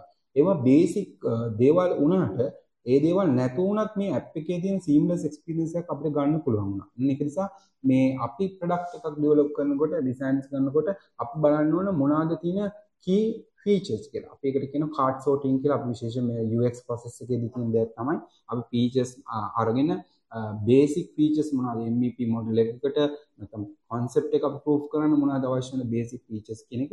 මොකද අන්නේ බේසික් ෆීචර්ස් ටික අපි ફોකස් කරේ නැත්නම් වෙන්නේ අනිත් ඇඩිෂනල් ෆීචර්ස් තියෙනවා කන්සියුමර්ට ඇත්තටම එයාගේ ප්‍රොබ්ලම් එක සෝල්ව් කරන්න වයිටල් නැති දේවල්. එහෙම නැත්නම් ඒවා ඇඩඩ් ෆීචර්ස් විතරයි. කියන්නේ ඒක තිබුණත් හොඳයි. දැන් මෙතන තියෙන හොඳම ෆීචර් එකක් තමයි මේක තියෙන එක push to talk කියන්නේ. මොකද මේක ගොඩක් අය කතා කරද්දී ෆීඩ්බැක් එකක් එනවනේ. ඒක තිබුණොත් හොඳ දෙයක් නමුත් අපි ඒක නැතු වුණත් මෙතන යූස් කරනවානේ අන්න ඒක නිසා identifying uh, the අපිට අයිඩෙන්ටිෆයි කරගන්න පුළුවන් අපිට අත්‍යවශ්‍ය සර්විසස් මොනවද කියලා uh, අත්‍යවශ්‍ය ෆීචර්ස් අත්‍යවශ්‍ය ෆැසිලිටිස් uh, මොනවද මේ ප්‍රොබ්ලම් එක සෝල්ව් කරන්න කියලා ඉතාමත්ම ඉම්පෝර්ටන්ට් වෙනවා. ඉතින් අන්න ඒක නිසා uh, කන්සියුමර් බිහේවියර් එක චේන්ජ් කරනවා නම් අපි ඩෙෆිනිට්ලි තේරුම් ගන්න ඕන දෙයක් තමයි එයාට අවශ්‍ය වන මිනිමම් දේවල් ටික. මැන්ඩටරි දේවල් ටිකට මුල්ම පෝකස් එකක් දෙන එක. ඉතින් ඒක තමයි මේ මට මගේ පැත්තෙන් කතා කරන්න තියෙන්නේ මම කැමති කිවෙන්ස් ඒ සෙෂන් එකේදී ඇතිවන ප්‍රශ්න වලට උත්තර ලබා දෙන්න. මොකද ඒ තුලින් මට පුළුවන් ගොඩක් දේවල් කියන ක්වෙස්චන්ස් බේස් කරලා මට ආන්සර් එකක් දෙන්න. මල්සංක back to you තැංකව චරිත්තන් ශශික අපි මේ චුට්ටක් ටයිම් අපි එක්ස්පෙක් කරට වඩා අපි ගත්ත නිසා අපි මේ විනාඩි විස්සක විතර කිවන්නේ සේෂන් එකක් කරන්න ඕන නිසා ම මුකුත් කතා කරන්න බලාපොරොත්තුවක් නෑ. මේ අපි මේ සේෂන් සිරිසක ඉස්සරහට දිගට මේ යනකොට අපි චුට්ටක් කතා කරමු. ඉතිරි දේවල් ගැන මොකද දැන්?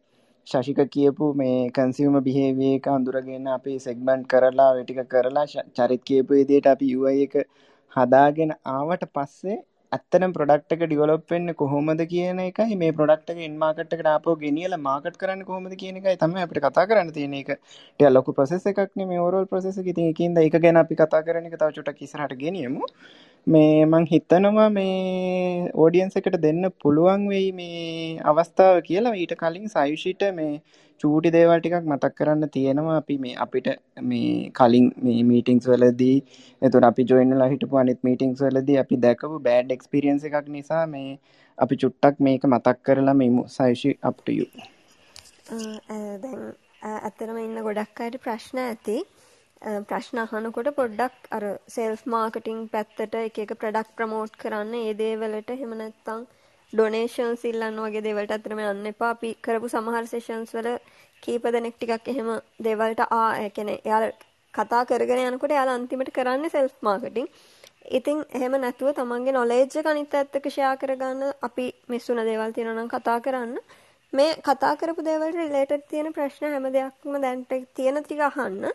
ඒකත් එක්කම දැන් අයියලා දෙන්න දුන්න දේවලුත් ඇති ආපහු ඒ අහපු දේවල් ගැන ප්‍රශ්න අහන්න එපා. ඉතින් අපි ඉස්සරහට යමු ඒකත් එක්ක ප්‍රශ්න තියෙනවා නම් රේස් හෑන්ඩ් ඔප්ෂන් එකක් තියෙනවා පහළ. එතනින් රේස් හෑන්ඩ් කරන්න අපි ඔයාලට කතා කරන්න මයික් එක දෙන්නම් එතකොට. ශිරාන් මාන්නක්කාරයට ප්‍රශ්නයක් තියෙනවලු. ශිරාන්? හෙලෝ එනොත් දන්නේ. ඇහෙනවා. මට දැනගන්නවන් මේ සශිකයගෙන් මේක අපේ අර ප්‍රඩක්ට එකක් පොසිෂන් කරනකොට එක පොසිෂන් කරන්න ඕන කම්ෆටබල් සවුන් සඳර ගන්න කොහොමද? හෙලෝ හෙලෝ ඔව් මට පොඩ්ඩක් ඔයා මේ ටිකක් පැහැදිලි කරන කරලා කියන්න පුළුවන්ද? මල්ලි වගේ මේ ප්‍රශ්නේ.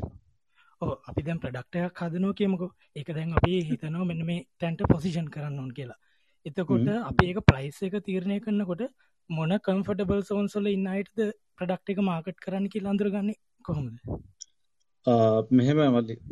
මුලින් වාට ඉස්සල එකනේ යසට මොන ප්‍රයිස් රේන්ජ එකකින්ද කොහොමද පොසිෂන් කරන්නේ කියන එකට වඩා ඕවරෝල් වාට අයිඩිය එකක් ගන්න ඕන ඉස්සෙල්ල වා හදන ප්‍රඩක්් එක කාටද යස්ෆුල් වෙන්නේ? මොන මාකට් එකද වා ඇඩ්‍රස් කරන්නේ කියන එක. එතකොට දැන් මං වාට මෙන්න මෙහෙම එකක් කියන්නම්. දැන් මේක ගොඩක් වෙලාවට මට අහනකින් මට තේරෙන්නේ ටාගට් මාකට් එක හරියට අඳුරගත්තා නම් මේක ඔයාට ඩිෆයින් කරගන්න ලේසි කියලා. මම ඔයාට පොඩි ටිප් එකක් දෙන්නම්. මං කියන්නේ හැමෝන්ටම ප්‍රැක්ටිස් කරන්න දෙයක් විදියට දැන් ටාගට් මාකට් එක හරියට අඳුරගන්න නම් ඔයාට මම මෙහෙම දෙයක් කිව්වොත් ගොඩක් ඇඩ්වර්ටයිස්මන්ට්ස් බලන්න. ටීවී ඇඩ්වර්ටයිස්මන්ට්ස් බලන්න. දැන් අපිට මාකට් එකක් අඳුරගන්න අමාරු නම් ඒ අපි හිතන්න මෙන්න මෙහෙම කියලා මම උදාහරණයක් කියන්නම්. දැන් මේ දවස්වල පොපියුලර් ප්‍රෝග්‍රෑම් එකක් යනවා වොයිස් කියලා. හැමෝම දන්නවා ඇති ද වොයිස් එක අතර යන ඇඩ්වර්ටයිස්මන්ට්ස් බලන්න. එතකොට මේකේ 190ක් මේ තියෙන හැම කම්පැනි එකකින්ම මාකටිං ප්‍රොෆෙෂනල්ස්ලා බ්‍රෑන්ඩ් මැනේජර් නැත්නම් බ්‍රෑන්ඩ් සීනියර් බ්‍රෑන්ඩින් මැනේජර් මේ ඔක්කොම බලලා තමයි ගොඩාක් දේවල් බලලා තමයි මේ ස්පොට් එකක් ගහන්නේ. කියන්නේ මේ ඇඩ් ප්ලේස්මන්ට් එකක් කරන්නේ. එතකොට වොයිස් එකේ යන ඇඩ්ස් ගොඩක් වෙලාවට වොයිස් එකේ ටාගට් මාකට් එක තමයි මේ මේගොල්ලන්ගේ ටාගට් මාකට් එක වෙන්නේ. දැන් හිතන්න නෙස්ට මෝල්ට් කියලා. නෙස්ට මෝල්ට් නම් මම මේ මම එනවා ඔයාගේ තව ස්පෙસિෆයි කරන්න මේක ගැන අයිඩියා එකක් තියාගත්තොත් ඔයාලට ලේසි මේ මොන මොන තැන්වලින්ද ඔයා මේ මේකට මේ අප්‍රෝච් කරන්න ඕනේ කියන්නේ. දැන් නෙස්ට මෝල්ට් ඉස්සර මිනිසුන්ගේ අයිඩියා එකක් තියුනේ කොහොමද? මේ ලෙඩ්ඩු බලන්න තමයි නෙස්ට මෝල්ට් ගෙනිච්චේ. ක්‍රීම් සෝඩා මලගෙවල් වල තමයි ක්‍රීම් සෝඩා යූස් කරේ. හැබැයි මෙයාලට ඕන වුණා මේක ගැන තියෙන පර්සෙප්ෂන් එක වෙනස් කරන්න. මේක ගැන තියෙන අයිඩියා එක වෙනස් කරගන්න. මෙයාලා මොකද කරේ? මෙයාලා බලය ජවය ශක්තිය කියලා නෙස්ටමෝල් ගෙනාව, චතුරිකා පිරිස් ගෙනාව, වෙන වෙන මේ අලුත් මේ කට්ටිය ගෙනල්ලා මේ මේ පර්සෙප්ෂන් එක වෙනස් කරා. ඉතින් ක්‍රීම් සෝඩා වල මොකද කරේ? යවුවනේ පොපින චමත්කාරය කියලා මේ ෆන් තැනට ගෙනාවා. එතකොට එයාලගේ මාකට් එක මොකක්ද? වොයිස් එකේ මාකට් එක යං ජෙනරේෂන් එක යං ජෙනරේෂන් එක වෙලාවේ අරගොල්ල දැම්ම ඒගොල්ලොන්ගේ ඇඩ් එක. එතකොට මෙන්න මේ දෙක ටැලි වුණා. තේරුණාද? එතකොට ඔයාලට අයිඩියා එකක් ගන්න පුළුවන්. හරි මේගොල්ලොන්ගේ ටාගට් මාකට් එක මේකයි කියලා. අන්න ඒ වගේ ඔහොම ටිකක් ප්‍රැක්ටිස් කරනකොට ඔයාලට අයිඩියා එකක් ගන්න පුළුවන්. හරියට මම කොහොමද මා ටාගට් මාකට් එක මගේ තේරුම් ගන්න කියලා. දැන් ඔයාගේ ප්‍රශ්නෙට આવොත් කම්ෆර්ටබල් සෝන් එකක් කියන්නේ මෙහෙමයි. ඔයා ටාගට් මාකට් එක අරම හරියට අඳුරා ගත්තනම් එකක් තමයි ඔයා එතකොට බලන්න ඕනේ මේ ටාගට් මාකට් එකේ තියෙන කැරක්ටරිස්ටික්ස්. දැන් අපි හිතමු ඔයා ඔයාගේ මාකට් එකේ ඉන්න අයගේ এডুকেෂන් ලෙවල් එක කොහොමද? එතකොට ප්‍රයිසිං ගැනනේ ඔයාලට තියෙන්නේ. ප්‍රයිසිං කොහොමද කරන්න ඕන? එතකොට මේගොල්ලොන්ගේ බෑග්‍රවුන්ඩ් ලෙවල් එකේ এডুকেෂන් ලෙවල් එක කොච්චරද? මෙයාලා වැඩ කරන්නේ මොනවද මේ ප්‍රයිවට් සෙක්ටර් එකේද? නැත්නම් මෙයාලා අර්බන් කට්ටියද? මෙයාලා මේ මේ මේ ගොඩක් මේ එලියෙන් ඉන්න අයද? ඒ කියන්නේ මේ මෙයාලගේ බයින් පවර් එක කොහොමද? ඒ කියන්නේ පර්චේස් කරන්න තියෙන හැකියාව කොහොමද? ওই හැම එකක්ම බලලා තමයි අපි ප්‍රයිසින් කරන්නේ. කැමති නම් මම ප්‍රයිසින් ගැන පස්සේ වෙනම කරන්නම්. ප්‍රයිසින් වල අපි කතා කරනවා සයිකොලොජිකල් ප්‍රයිසින් එහෙම නැත්නම් markup pricing value added pricing ඔහොම කියලා. ඒ කියන්නේ මේ ගොඩක් වෙනස් මේ ස්ට්‍රැටජිස් තියෙනවා. එතකොට අපි ඒ හැම දෙයක්ම බලලා තමයි බලන්න ඊට අමතරව ප්‍රොඩක්ට් එක අපි අපි අපි යූස් කරන ප්‍රොඩක්ට් එකට තියෙන ඉල්ලුම කොහොමද? සමහර ප්‍රොඩක්ට්ස් තියෙනවා අපි පොඩි රුපියලකින් දෙකකින් වැඩි කරොත් ප්‍රයිස් එක අපි හිතන ප්‍රමාණයට වඩා ලොකු ප්‍රමාණයකින් බයින් ඒ කියන්නේ සේල්ස් අඩු වෙනවා. එතකොට අපි කියනවා ඒක ඉලාස්ටික් වැඩි කියලා. ඒ කියන්නේ නම්‍යශීලීත්වය වැඩි කියලා ප්‍රයිස් ප්‍රයිස් මේ එකට මේ හරි සෙන්සිටිව් කියලා. හරි සෙන්සිටිව් එකක් හරි සෙන්සිටිව් මාකට් එකක නම් මගේ ප්‍රොඩක්ට් එක තියෙන්නේ මම රුපියලක් අඩු කරොත් මට ලොකු ප්‍රමාණයකින් සේල්ස් වැඩි කරගන්න පුළුවන්. එතකොට ඒවත් බලන්න ඕන. සමහර ඒවා තියෙනවා මාකට් එක ඉන්ඩස්ට්‍රි එක මත වෙනස් වෙනවා. ෂෙල් ගෑස් වගේ ගත්තොත් මිනිසුන්ට ඔප්ෂන්ස් නැහැ. ෂෙල් ගෑස් එකක ගාන වැඩි කරොත් එයාලට වෙන අලාභයට වඩා ලාභය වැඩි. මොකද මිනිසුන්ට අනිවාර්යෙන් ඒක ගන්න වෙනවා. එතකොට මේ කම්පිටිටර් ප්‍රයිසිං ලෙවල්ස් කම්පිටිෂන් එක බලලා අපිට ප්‍රයිසිං චේන්ජ් කරන්න පුළුවන්. ඔය වගේ ගොඩාක් දේවල් බලලා තමයි මේ ඔයාලට හරියටම කියන්නේ යූසර්ට හරියන ප්‍රයිස් රේන්ජ් එක අපිට තීරණය කරන්න වෙන්නේ. එතකොට මොන හරි ඔයාලට ඕන ප්‍රශ්නයක් තියෙනවා නම් මට මේ පර්සනල් ඇඩ් කරන්න තියෙනවද ඔව් මම ශශික කියපු දෙයටම තව පොඩි දෙයක් ඇඩ් කරන්නම්. විශේෂයෙන්ම අපි බ්‍රෑන්ඩ් පොසිෂනින් කරනකොට අපිට පොසිෂනින් ස්ට්‍රැටජිස් ගොඩක් තියෙනවා. ඒක අපිට පුළුවන් මේ රැෂනලි ගන්න පුළුවන්. එහෙම නැත්නම් අපි මෝ කියන්නේ රැෂනල් බ්‍රෑන්ඩින් එකක් විදිහට ගන්න පුළුවන්.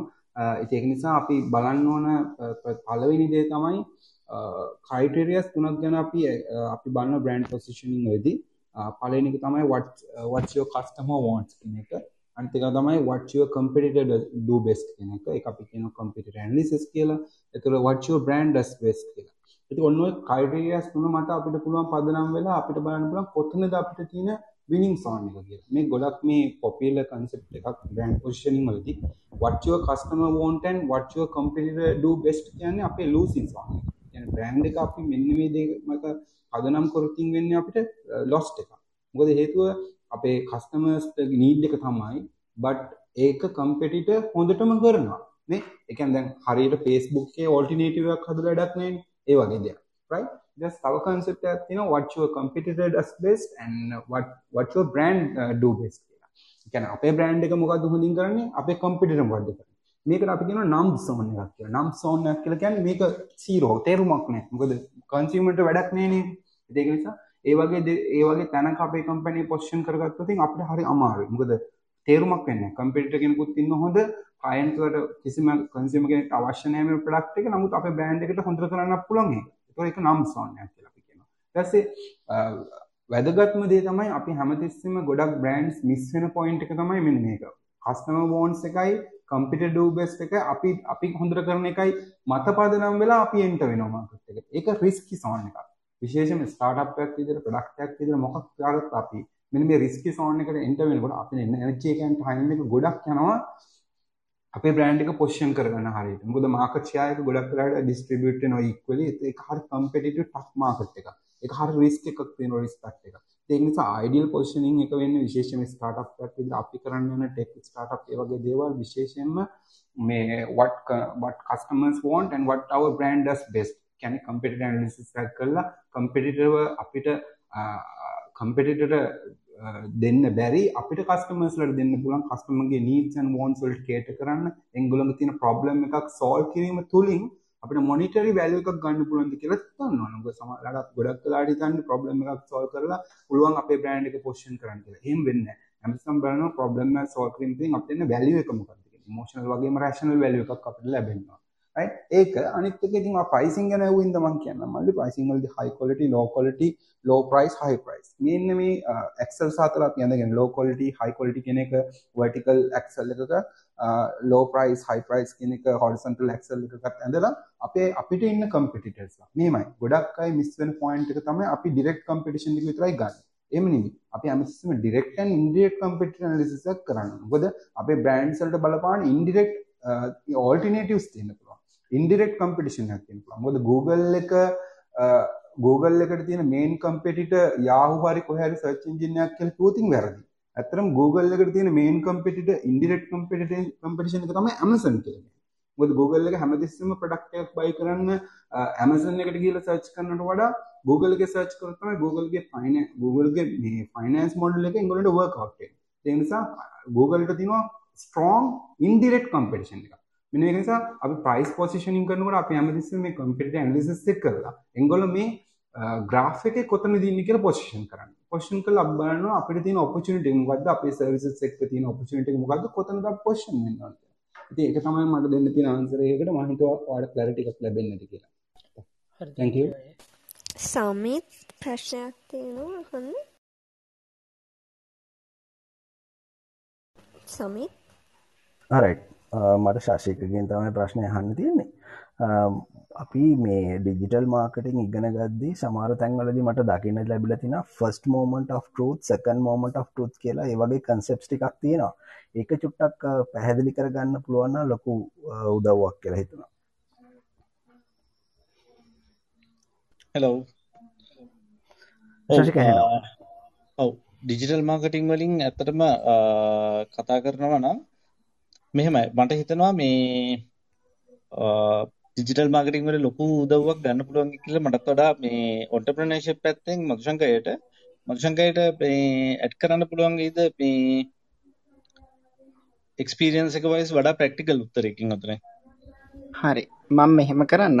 අපි චුට්ටක් මේ ඩිජිටල් මාර්කටිං රිලේටඩ් දේවල් ටික වෙන සෙෂන් එකකට ගෙනියමුද සමිත්? මොකද දැන් මං ඔයාගේ right ප්‍රශ්නෙට right. විතරක් උත්තර දෙන්න ගියොත් ඒ කියන්නේ අපි අර කතා කරපු මේවා එකත් එක්ක ඒ කියන්නේ ඩිජිටල් මාර්කටිං වලදී කන්සියුමර් කොහොමද හැසිරෙන්නේ? සමහර වෙලාවට ශශික කියපු මේ බේසික් මාර්කටිං එකේ කන්සියුමර් බිහේවියර් එකයි චුට්ටක් වෙනසක් තියෙනවා මේ සමිත්.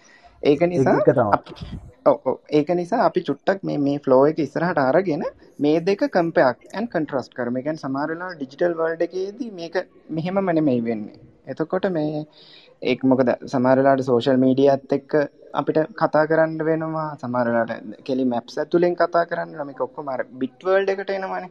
ඉතින් ඒක ගැන මම හිතනවා ඒ කියන්නේ ඔයා කියන පොයින්ට්ස් දෙක ගැන අපි මේ කතා කරනවා නම් මේ ටිකක් දිගට කතා කරන්න වෙන හින්දා අපි ඊළඟ සෙෂන් එකකට ගෙනියමුද මේ තරහ නැත්තම්.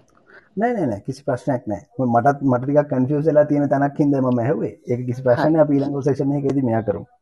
ෂුවර් සමිත් අපි මේ ඒ කියන්නේ වෙනම කතා කරමු ඔය පොයින්ට්ස් ඔක්කොම අරගෙන. මොකද මේ අපි ටිකක් ඉස්සරහට කතා කරොත් හොඳයි ඒවා ගැන. Right okay thank you. Ishan ප්‍රශ්නයක් තියෙනවා කිව්වා ඔව දැන් උදාරණයක් විදිහට අපි මෙහි ඉඳලා US ක්ලයින් බේස් එකක් ටාගට් කරනවා නම් අපි කොහොමද එයාලගේ සෙන්ස් ඇඩ්වර්ඩ් හරි ෆෙස්බුක් ඇඩ්ස් වල හරි අපිට තෝරන්න තින ක්‍රයිටරියා මොනමොන අයද අපි ටාගට් කරන්න කියලා. එහෙ අප ෆොරින් ෝඩියන්ස් එකකගේ ඒ ක්‍රයිටීරියස් එයාලගේ බිහේවියස් එයාලා කැමති දේවල් යාලගේ රේ වයස් රේන්ජස් වගේ දේවල් අපි කොහොමද යිඩෙන්ටිෆයි කරගන්නේ? මුසංකයට හරි සසිකට හරි දෙන්න. හරි. ඔව් ඔතන මං මම උත්තරයක් දෙන්නම් අර මේ ඇඩ්වර්ඩ්ස් ගැන එහෙම කියපු නිසා. මේකත් ඉෂාන් මේ දැන් මම මේක හැබැයි සමිට් කරන අසාධාරණයක්. මේ ඩිජිටල් මාර්කටිං වල චූටි කන්සෙප්ට් එක මේ එතකොට ඉෂාන් ඇත්තට මේක අපි මේ කලින් දවසකත් අපි මේ මේ රිලේටඩ් දේ කතා කරා. මේක ප්‍රැක්ටිකල් හින්දා මම කියන්නයි කියන්නේ දැන් ඔයා කියන්නේ ඔයා කියන්නේ පොයින්ට් එක ඔය මාකට් සෙග්මන්ට් එකක් ගැන. එතකොට මාකට් සෙග්මන්ට් එකක් අඳුරගන්නකොට ඒ මාකට් සෙග්මන්ට් එකේ තියෙන මේ කැරක්ටරිස්ටික්ස් ටික හොයාගන්නේ කොහොමද කියන එක තමයි ඔයාගේ ප්‍රශ්නේ මං හිතන්නේ. මං හරිද? මං තේරුම් ගත්ත විදිහා ඔව්. හරි. එතකොට ගොඩක් වෙලාවට අපිට මාකට් එක ඒ කියන්නේ ඒ එහෙම සෙග්මන්ට් එකක පොයින්ට්ස් අඳුර ගන්නවා නම් අපිට ගොඩක් වෙලාවට ඒකේ ලෝකල්ස්ලා කොහොමද හිතන්නේ කියන එක අයිඩෙන්ටිෆයි කරගන්න ඕනේ. ඒ කියන්නේ සමහර වෙලාවට දැන් ලංකාවේ අපි හිතන විදිහට නෙමෙයිනේ මේ US වල කට්ටිය හිතන්නේ. ඉතින් එතකොට ඔයාට ගොඩක් වෙලාවට ඇත්තටම නැචරලි නම් ඒ ඒගොල්ලොත් එක්ක ඉන්ටරැක්ට් වෙන්න වෙනවා රිලේටඩ් ඔඩියන්සස් එක්ක. රිලේටඩ් ඔඩියන්සස් කියන්නේ සමහරවිට ඔයාලට Facebook group එකකට ගිහිල්ලා මේ ඩීටේල්ස් හොයාගන්න පුළුවන් මේගොල්ලෝ මොන වගේ දේවල්ද කතා කරන්නේ මේගොල්ලෝගේ ඉන්ට්‍රස්ට් මොන වගේද කියලා. එතකොට ඒ කියන්නේ තව කරන්න පුළුවන් දේවල් තියෙනවා ඔයාලට LinkedIn එකෙන් ෆ්‍රෙන්ඩ්ස්ලා ඇඩ් කරගන්න පුළුවන් ඔයාගේ යාළුවෝ එහෙ ඉන්නවා නම් ඒගොල්ලෝ එක්ක කතා කරන්න පුළුවන් පුළුවන් තරම් මේක අර මේ නැචරල් කරගන්න බලන්න. ඒ ඔඩියන්ස් එක නැචරල් කරගන්න බලන්න. ඊට පස්සේ ඒගොල්ලෝ කතා කරන දේවල් එක්ක බලන්න මේ Google AdWords වලට හරි කොහෙට හරි ඇවිල්ලා මේ මොනවද මේ terms කියලා search terms. එතකොට ඒ ඒකට ගො- ඒ ඒ ඒ අර බේසික් ටික කරාට පස්සේ AI වල මේ power එක use කරගන්න. මං හිතනවා මේ ක්ලියර් වෙයි කියලා ඒකත් එක්ක ඉෂාන් අපි මේ මේ දේවල් ගැන සමිත්තුයි ඉෂානුයි අහපු මේ හැමදේම ගැන අපි අනිවාර්යයෙන්ම මේ තව සෙෂන් එකක් දාලා මේක අපි අර කන්සියුමර් කියන්නේ කවුද කියලා පොඩ්ඩක් අයිඩෙන්ටිෆයි කරගන්න ඕන හින්දා මේ කතා කරේ. ඉතින් අපි කන්සියුමර් අයිඩෙන්ටිෆයි කරගත්තට පස්සේ කොහොමද මේ ටික ඊළඟ ස්ටේජ් එකේදී කරන්න කියන එක ගැන ඉස්සරහට කතා කරමු අනිවාර්යයෙන්. තැංක ඒ කලිය ගොහුලාන් වගේ ප්‍රශ්නය හන්න පුළුවන්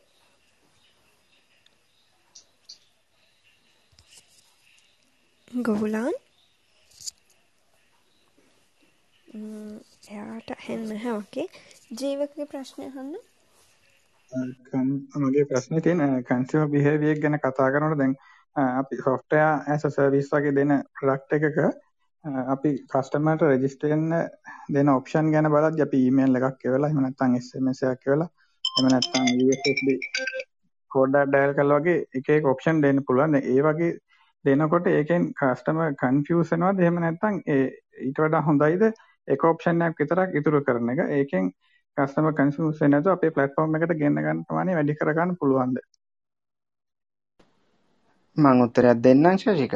මේ එතකොට මේ ජීවක ඔතන ඇවිල්ලා software as a service ඔයා මේ ස්පෙસિෆිකලි කිව්වන වෙබ් ඇප්ද කියලා ඕක තවදුරටත් මේ ලේසි වෙයි අපිට මේ මේක වෙබ් එකකට වෙබ් ඇප් එකනේ හරි. එතකොට මේ ඒ කියන්නේ මොකද මම මේ ප්‍රශ්නේ අහන්න හේතුව වෙන්නේ ජීවක? ඒ දෙකෙත් පොඩි වෙනසක් තියෙනවා. මොකද වෙබ් එකකදී user behavior එකයි mobile app එකකදී user behavior එකයි කියන එකක් දෙකක්.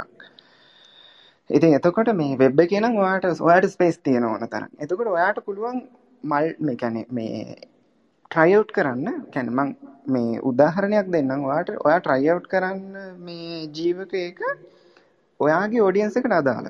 ඔයාට තියෙනවා Google Optimize කියලා tool එකක්. ඒ Google Optimize කියන tool එකට දාලා බලන්න කොයි combination එකද. ඒ කියන්නේ සමහර විට මෙන්න මේ combination එක. email එකයි SMS එකයි. එහෙම නැත්නම් email එකයි මේ dial එකයි. එහෙම නැත්නම් ඊට අමතරව තියෙන single sign on වගේ ඒවත් තියෙනවනේ. ඒ කියන්නේ SSO කියන concept එක. ගැන Google ලොගින් එකක් දෙන්න පුළුවන්. අන්න ඒ වගේ. ඔයා try out කරන්න. Google Optimize එකේ ඔයාට පෙන්නනවා. කියන්නේ Google Optimize එකෙන් කරන්නේ මේ ඔයා දෙන ඒවා කියන්නේ එක එක user categories වලට එක එක විදිහට පෙන්නනවා. ඊට පස්සේ කියන්නේ අපි සාමාන්‍යයෙන් මේක A/B testing කියලා කියන්නේ user behavior එක අඳුර ගන්න. මේ A/B testing එකක් කරලා මේ කියන්නේ A/B testing එකේදී කරන්නේ 150ක් users ලාට එක combination එකක් පෙන්වන අතර 100 අනිත් 150ට වෙන combination එකක් පෙන්වනවා.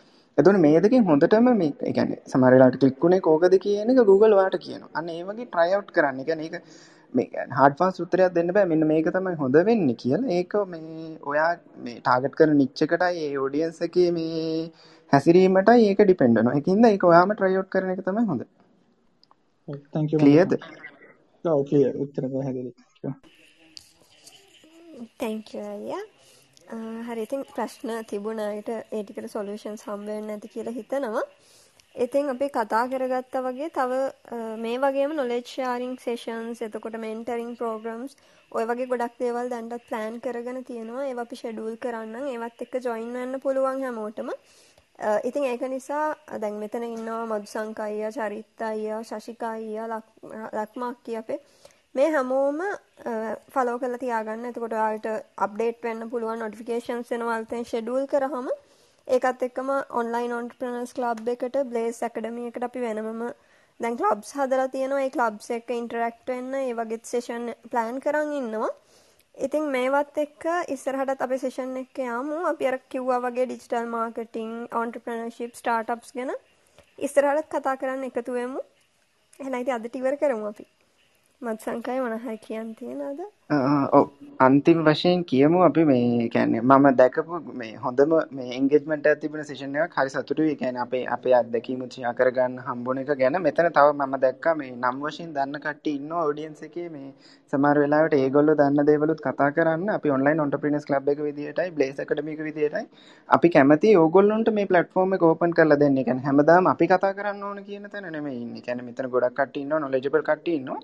තමන් දන්න දේවල් මම මේක ගැන කතා කරන්න කැමතියි කියන එක ඔයගොල්ලන්ට පුළුවන් එක්ක චරිට පර්සනල් මැසේජ් එකක් දාන්න චරිත ගොඩක් කට්ටියගේ මේ සෝෂල් මීඩියා accounts වල ඇති එහෙම නැත්නම් මම ඇති කියන්න කතා කරන්න අපි මේවා ගැන කතා කරමු අයියේ අපි මේවා ගැන කතා කරමු අක්කේ කියන එක ඕගොල්ලෝගේ පැත්තෙන් එනකොට අපිට මේක මේ ගොඩක් හොඳට ඉන්ටරැක්ටිව් විදියට කරගෙන යන්න පුළුවන් වෙයි නැත්නම් හැමදාම වෙන්නේ අපි කීප දෙනෙක් ඇවිල්ලා කතා කරලා ඕගොල්ලෝ අහන් ඉන්නවා වගේ එකක් නේ. ඉතින් එහෙම නැතුව ඕගොල්ලොත් ඉන්ටරැක්ට් වෙන්න ඕගොල්ලෝ දන්න දේවල් කියන්න ඕගොල්ලෝ දන්න දේවල් නැති අපි නොදන්න දේවල්.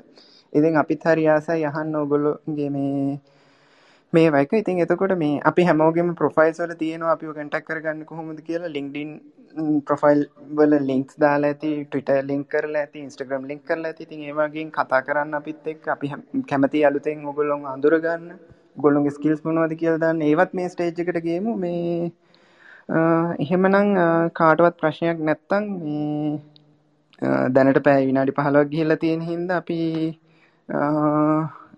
ඉරිදරෑ කට්ටිය ෆිල්ම් එකක් බලලා එන්ජොයි කරන්න තව සෙෂන්ස් සෙට් වෙයි මේකේ ඉස්සරහටත් ඒවටත් මේ ජොයින් වෙන්න කියලා ඉල්ලනවා. Thank you. Thanks all. Thank you. Thank you. Thank you. Goodbye. Thank you guys. Thank you. Good night. Goodbye. Thank you. Bye. Bye bye